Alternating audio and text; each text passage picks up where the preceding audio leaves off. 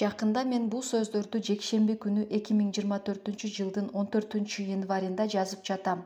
Мен хайфа университетинин элүү жаштан мен элүү бир жаштамын.